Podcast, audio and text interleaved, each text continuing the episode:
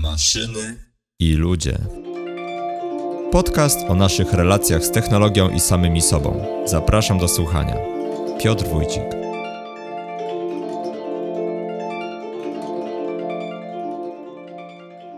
Witam Cię serdecznie w czternastym odcinku podcastu Maszyny i Ludzie, w którym będę opowiadał o tym, jak dobrze zaczynać i jak dobrze kończyć każdy dzień. Na wstępie tradycyjnie dziękuję wszystkim za reakcje i komentarze do wszystkich poprzednich odcinków podcastu. Zachęcam jak zwykle do pisania i dzielenia się swoimi spostrzeżeniami, czy to poprzez media społecznościowe, czy pisząc do mnie na adres mailowy podcast małpa maszyniiludzie.pl. Będę wdzięczny za wszelkie informacje, wszelkie komentarze, wszelkie sugestie dotyczące tego, jakie tematy interesują Was najbardziej, jakimi powinienem zająć się, o jakich opowiedzieć w kolejnych odcinkach, tudzież jakich gości chcielibyście, żebym zaprosił i odbył z nimi kolejne rozmowy w następnych odcinkach tego podcastu. Na dzisiejszy odcinek zaplanowałem takie dwie części. Najpierw opowiem co nieco na temat tego, jak można dobrze rozpoczynać każdy dzień, jakie rytuały i na jakie rzeczy warto zwrócić uwagę podczas tego momentu, kiedy wstajemy rano, a w drugiej części opowiem z kolei o tym, jak taki dzień dobrze jest kończyć. I podobnie, jakie tutaj czynności powinniśmy wdrożyć, żeby ten dzień dobrze nam się kończyło, żebyśmy byli w stanie położyć się skutecznie spać oraz wypocząć i jak te rytuały sobie konstruować. Zapraszam Cię do wysłuchania dzisiejszego odcinka.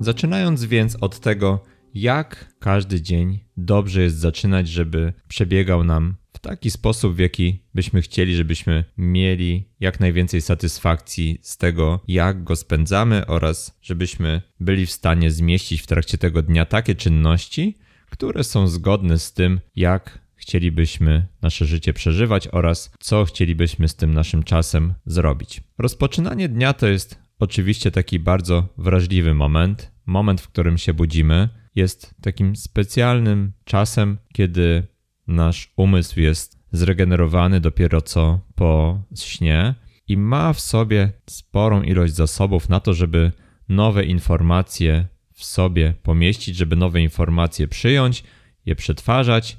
Możemy ten moment wykorzystać do tego, żeby nie zaprzątać tego naszego umysłu takimi rzeczami, które niepotrzebnie będą go od razu zaśmiecać, tylko dać mu taką przestrzeń na to, żeby spokojnie rozbudził się i wszedł w ten nasz dzień w takim spokojnym trybie.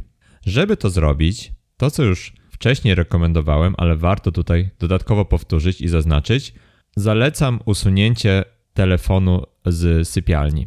Najlepiej zastąpić taki telefon budzikiem. Więc jeśli rano musimy wcześniej wstać, a większość z nas zazwyczaj musi sobie taki budzik ustawić, to warto zakupić sobie nawet jakiś tani budzik, który będzie leżał przy naszym łóżku i dzięki temu zmniejszamy szanse tego, że będziemy sięgać po telefon jako pierwszy przedmiot tuż po przebudzeniu. To jest jedna ze strategii, którą przedstawiałem już w pierwszym odcinku podcastu o cyfrowym minimalizmie, ale też warto do tego tematu wracać, bo jest rzeczywiście to dosyć istotne, żeby pierwszą rzeczą, którą rano robimy, nie było jednak sięganie po smartfon i włączanie czy przeglądanie notyfikacji, czy włączanie jakiejś aplikacji z mailami, ponieważ to od razu przestawia nasz umysł w tryb działania i nie dajemy sobie przestrzeni na żadną refleksję ani rytuały. To znaczy, może to nas na przykład wytrącać z pewnych rytuałów, kiedy nasz umysł już zaangażuje się w przetwarzanie tych treści, które zobaczy e, w telefonie, od razu to może e, nam zabrać ten czas, który moglibyśmy przeznaczyć na robienie innych, bardziej w tym momencie adekwatnych czynności, takich, które mogą stanowić o tym, że ten dzień zaczniemy w taki sposób, e, w jaki byśmy chcieli. Więc to jest pierwszy krok zastąpienie telefonu innym rodzajem budzika. Są na przykład takie budziki, które imitują światło dzienne, które jeśli wstajemy szczególnie w okresie jesienno-zimowym, mają szansę obudzić nas nie tylko dźwiękiem, ale dodatkowo takim światłem, które imituje słońce, więc e, nasz mózg dostanie taką dodatkową informację, że już pora wstawać, no bo światło e, już się pojawiło i e, to jest ten moment, kiedy dzień się zaczyna. Jeżeli też mamy taką ochotę, że chcemy obudzić się przed naszą rodziną, czy, czy dziećmi, albo innymi osobami, z którymi współdzielimy przestrzeń domową, no to można zaopatrzyć się też w taki zegarek. Najlepiej, e, żeby to był jakiś, no, jakiś prosty, prost, proste urządzenie, które będzie pozwalało budzić się poprzez wibrowanie na naszym nadgarstku. Ja na przykład korzystam w tym celu z takiego prostego zegarka sportowego, który nie jest połączony y, z telefonem, to znaczy jest połączony, ale ma wyłączone wszelkie y, funkcje y, z tym związane. Jedyne do czego go używam to ewentualnie sprawdzanie czasami wydarzeń w moim kalendarzu lub przełączanie sobie piosenek czy tam odcinków podcastu z tego zegarka. Natomiast wszystkie inne notyfikacje, wszystkie inne funkcje y, są wyłączone, przynajmniej na, na zegarku. A to, do czego y, mogę go równolegle też wykorzystywać, to możliwość budzenia się bezgłośnie w taki sposób, że y, zegarek po prostu budzi mnie wibracją i dzięki temu mogę wstać przed domownikami, nie budząc ich jednocześnie. I teraz, zanim jeszcze z tego łóżka wstaniemy, to można dodatkowo wykorzystać ten czas, kiedy jeszcze leżymy, na to, żeby odpowiednio nastawić się na nadchodzący dzień. Niektórzy wykonują w tym czasie jakieś proste ćwiczenia fizyczne w łóżku, inni powtarzają sobie czasem w głowie afirmacje, albo nawet może robią jakieś proste, y, krótkie medytacje, lub nawet może dłuższe, jeśli mają taką przestrzeń. Ja natomiast stosuję od jakiegoś czasu takie ćwiczenie wzięte z praktyki stoickiej o nazwie przegląd siebie. I to ćwiczenie polega na tym, że patrzymy trochę tak jakby z boku na siebie i na to, jaki ustawiliśmy sobie system wartości w swoim życiu, jakie mamy e, takie nasze główne cele, czy takie długofalowe plany. I teraz patrzymy sobie tak jakby z boku na to swoje życie i staramy się pomyśleć o nadchodzącym dniu i tym, na ile to, co będziemy robić, będzie spójne z tym, co chcemy e, w tym dniu osiągnąć. Przynajmniej ja tak to ćwiczenie rozumiem i tak je wykonuję, więc staram się po prostu pierwszą rzeczą powstaniu, żeby było to nakreślenie sobie takiej intencji wobec tego dnia, który tego dnia przychodzi, żeby wszystkie te małe czy większe decyzje, które będę tego dnia podejmował, związane z wyborami tego, nad czym będę pracował, tudzież utrzymaniem się w takim stanie pracy głębokiej czy skupienia na danej czynności, żeby były maksymalnie spójne z tym, co jest dla mnie jako człowieka ważne, zarówno właśnie w kontekście tego jednego dnia, jak i dłuższego okresu w życiu. To ćwiczenie zabiera mi zazwyczaj kilka minut, ponieważ nie mam w zwyczaju wstawać zbyt wcześnie, więc nie mam tego czasu jakoś bardzo dużo, ale daje mi już taki impuls do tego, żeby wstać z taką intencją przeżycia tego dnia jak najlepiej. Po wykonaniu tego ćwiczenia jest już ten moment, kiedy z tego łóżka wreszcie trzeba wstać. Muszę powiedzieć, że kiedy zrobię sobie taki przegląd siebie, no to to wstawanie już y, staje się dużo łatwiejsze i dużo lżejsze, ponieważ y, to nastawienie się do dnia daje dosyć dużą zmianę, a ponieważ wystrzegam się też tego, żeby nie patrzeć w ten telefon, więc moja głowa jest w pełni skupiona na tym, żeby e, z tą intencją wstawać i rozpoczynać swój dzień. No i tutaj pojawia się temat porannych rytuałów, tudzież nawyków. O tym mówiłem już w innym odcinku mojego podcastu, który poświęciłem budowaniu korzystnych nawyków, więc jeśli nie słuchaliście jeszcze tego odcinka, to zachęcam do tego, żeby do niego wrócić, ponieważ tam ten temat poruszam mm, bardziej dogłębnie. Natomiast tutaj chciałem podzielić się jeszcze kilkoma takimi refleksjami i swoimi doświadczeniami dotyczącymi, dotyczącymi tego, jakie e, rytuały ja stosuję w swoim życiu, które pomagają mi ten dzień rozpoczynać i na co jeszcze zwracam uwagę. Jedna z takich rzeczy, o której dotychczas nie wspominałem, jest związana z takim wybudzaniem się jeszcze w pełni do tego, żeby rozpocząć dzień, ponieważ e, w momencie, kiedy wstajemy z łóżka, nawet po tym przeglądzie siebie, możemy być po takiej nocy, podczas której niekoniecznie mieliśmy szansę się tak w pełni wyspać i nie do końca jeszcze mamy taką pełną, pełnię energii. Ja na przykład y, potrzebuję chwili, zanim się tak w pełni wybudzę, więc jedną z rzeczy, na którą zwracam uwagę, to to, żeby nie stosować do tego y, żadnych substancji. To znaczy, w tym wypadku chodzi mi oczywiście o picie kawy, takie tuż po przebudzeniu. I to jest też taka dobra praktyka, o której um, słyszałem od innych, że kawa nie jest e, do, najlepszym sposobem na wprowadzenie swój umysł w stan takiego pobudzenia. Lepiej dać szansę na to, żeby popatrzeć w momencie, kiedy już robi się na dworze jasno, to nasz umysł automatycznie zacznie się tak dostrajać e, do tego światła dziennego, lub właśnie wykorzystać ten e, budzik z lampą, jeśli ktoś e, chciałby w coś takiego zainwestować. Natomiast to, co ja stosuję też dla siebie, to zrobienie rano, tuż po wstaniu z łóżka, prostych ćwiczeń fizycznych.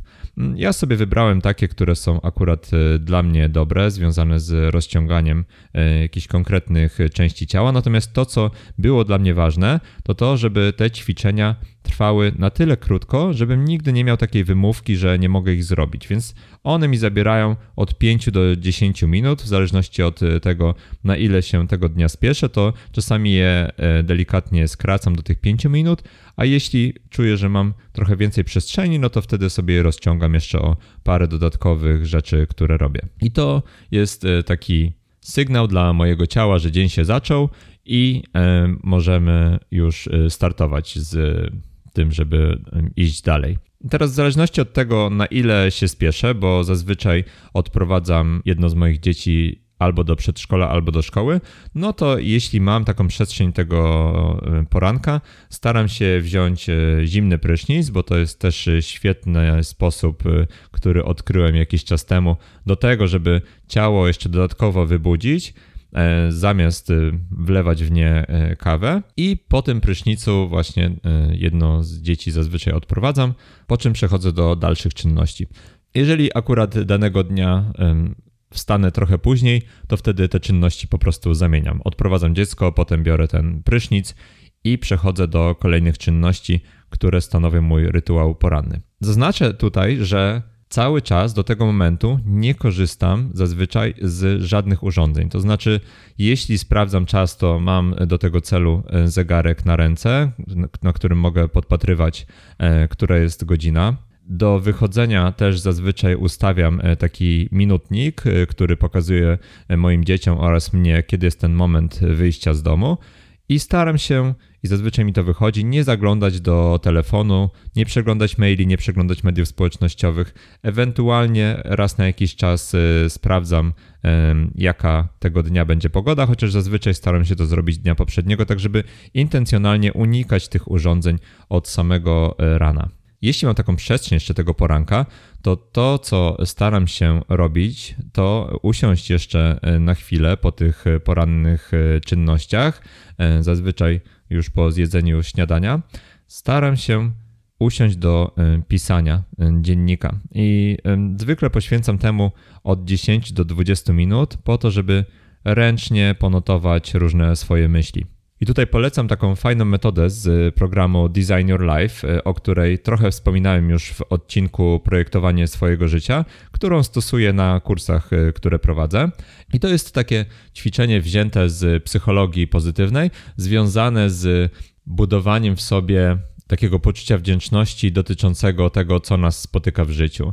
Można to zrobić analizując ostatnie kilka dni lub ostatni dzień, E, zastanawiając się nad tym, za co jesteśmy wdzięczni w swoim życiu, to mogą być bardzo proste rzeczy i prozaiczne, albo też takie, które ostatnio nas spotkały i które są dla nas e, po prostu bardzo znaczące. Zanotować sobie kilka takich haseł, słów kluczowych związanych z tymi rzeczami, za które jesteśmy wdzięczni.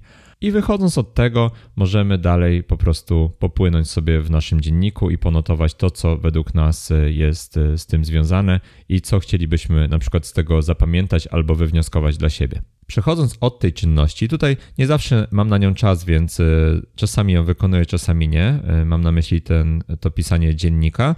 Natomiast to, co jest absolutnie dla mnie kluczowe i to, czego się nauczyłem w ostatnim czasie, to to jest zrobienie sobie takiego bardzo skrupulatnego planu dnia. Nie będę rozpowiadał się na temat y, samych technik tego, jak ten dzień sobie zaplanować według pewnej metody, którą stosuję, zainspirowanej Kalem Newportem.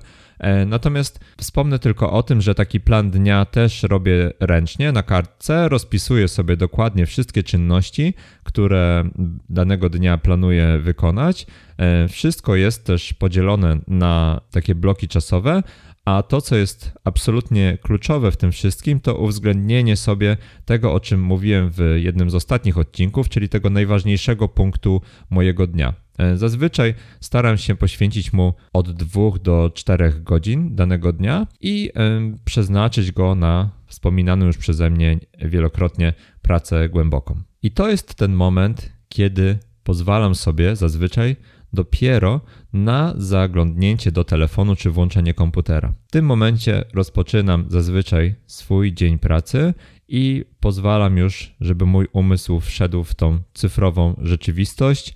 Ten rytuał, który wykonuję rano, chroni mnie przed tym, żebym nie dał się zwodzić różnym bodźcom i różnym danym czy informacjom, które zaczynają mnie bardzo szybko otaczać. Tworzę sobie taką barierę ochronną, która będzie mnie trzymać w ryzach tego dnia, tak że będę w stanie intencjonalnie przejść przez każdy element mojego planu, dając sobie ewentualnie też planową przestrzeń na to, żeby swobodnie poeksplorować różne przestrzenie cyfrowe w poszukiwaniu różnych ciekawych informacji czy inspiracji, ale wszystko jakby staje się wtedy intencjonalne i wszystko jest bardziej pod kontrolą i w ryzach. Także tak mniej więcej staram się rozpoczynać każdy mój dzień, a w kolejnej części opowiem, jak ten dzień staram się kończyć.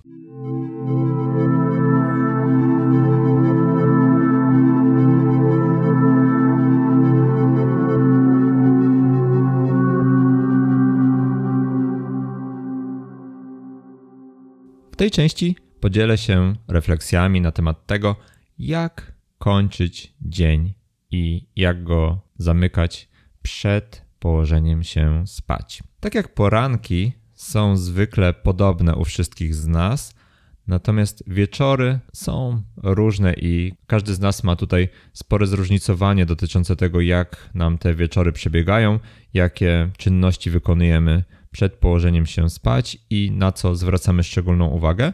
Więc ja chciałbym podzielić się swoją perspektywą dotyczącą tego, jak te rytuały według mnie warto sobie poukładać, żeby zasnąć spokojnie i dać naszemu mózgowi i naszemu ciału wypocząć. Tak jak wspominałem, jakkolwiek ten nasz wieczór przebiega, moim zdaniem warto zawsze wyrobić w sobie taki zestaw nawyków dotyczących tego momentu tuż przed położeniem się spać, tej ostatniej godziny lub e, dwóch, przed tym jak będziemy już e, kładli się do spania. Pierwsza sprawa, jak zwykle, dotyczy tego, żeby odciąć się o określonej porze od ekranów.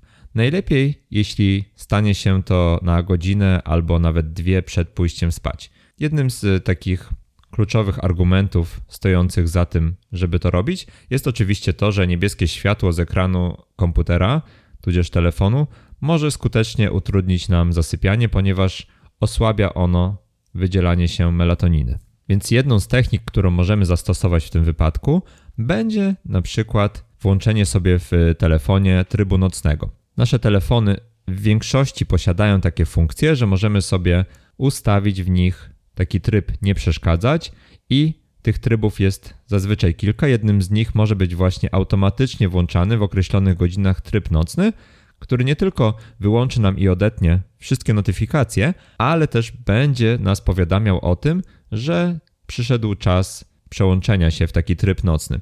I to jest taka fajna technika, którą ja stosuję, yy, która daje mi taki zewnętrzny bodziec, który daje mojemu umysłowi znać poprzez taką prostą melodyjkę, kilka dźwięków, które przypominają kołysankę, które dają sygnał mojemu mózgowi, więc jakby sam sobie y, ten nawyk stworzyłem poprzez odpowiednią konfigurację telefonu, który wysyła właśnie mi y, do, do mojego mózgu tą informację o tym, że już powoli czas myśleć o tym, żeby iść na odpoczynek. Natomiast jeśli zauważymy, że ciężko nam jest bardzo powstrzymać się przed jakimś wieczornym oglądaniem seriali albo jakimiś innymi rozrywkami, do których nas po prostu ciągnie, to możemy zastosować taką bardziej radykalną strategię, która jest związana z tym, żeby podłączać router, y, który mm, wysyła nam sygnał internetowy do domu, do takiego automatycznego wyłącznika który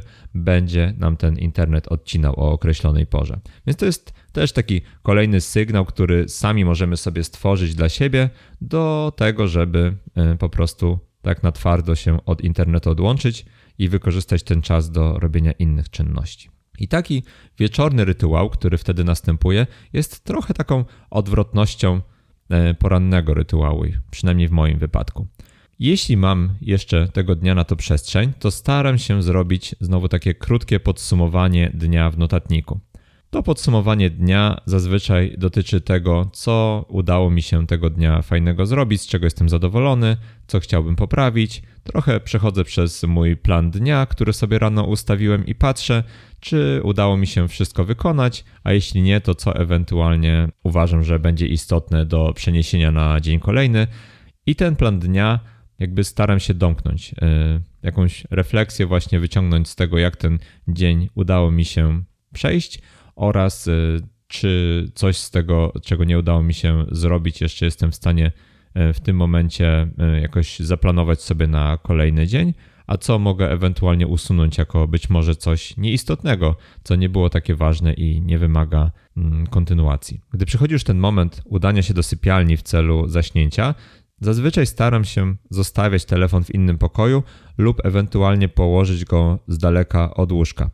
To znowu wiąże się z tą strategią tego, żeby telefonu nie trzymać tuż przy łóżku, po to, żeby e, nie kusił nas do tego, żeby do niego zaglądać, zarówno tuż przed zaśnięciem, jak i tuż po obudzeniu. I dzięki temu tworzymy sobie w sypialni taką przestrzeń na to, żeby czytać książki albo po prostu być blisko w relacji czy to z drugą osobą, albo z samym sobą, bo e, relacja z samym sobą jest równie ważna do pielęgnowania jak relacje z innymi. I w momencie, kiedy już e, czuję, że przyszedł taki moment, że mój umysł już się tak wycisza i potrzebuje zaśnięcia, to jeszcze przed samym zaśnięciem robię dokładnie to samo, co po obudzeniu, czyli właśnie to ćwiczenie stoickie przeglądu siebie, które e, z perspektywy przeżytego dnia wykonuję trochę bardziej tak retrospektywnie, znowu patrząc tak trochę z boku na e, to, jak ten dzień przeżyłem, nie starając się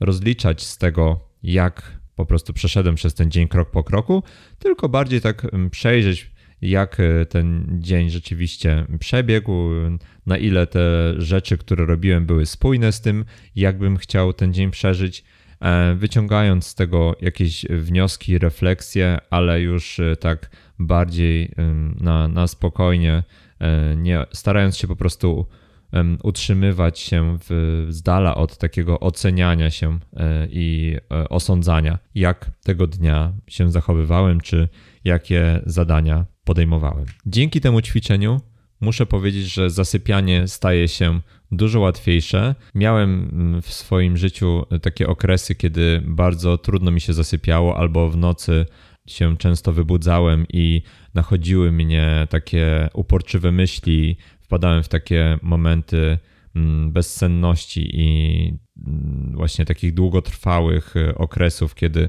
nie byłem w stanie zasnąć. W momencie, kiedy zacząłem regularnie wykonywać to ćwiczenie przeglądu siebie rano i wieczorem, to e, dało mi dosyć dużo spokoju i takiego ukojenia, także polecam to ćwiczenie szczególnie wszystkim, którzy mają problemy z zasypianiem albo z bezsennością. Dziękuję Ci za wysłuchanie do końca tego odcinka. Zapraszam jak zwykle do śledzenia mojego podcastu w mediach społecznościowych oraz do pisania do mnie maili na adres podcast małpa maszyny i ludzie dotyczących tego, czego wysłuchaliście, podzielenia się swoimi uwagami, refleksjami, pomysłami na temat tego, czym powinienem się zająć w kolejnych odcinkach, ewentualnie jakich gości chcielibyście, żebym zaprosił i odbył z nimi rozmowy. Zachęcam również do tego, żeby podzielić się tym odcinkiem z kimś bliskim. Jeśli uważasz, że te treści mogą komuś w jakiś sposób pomóc lub go zainteresować, to będę bardzo wdzięczny za to, jeśli podzielisz się nimi. Zapraszam już teraz do wysłuchania kolejnego odcinka mojego podcastu już w przyszłym tygodniu. Do usłyszenia. Cześć.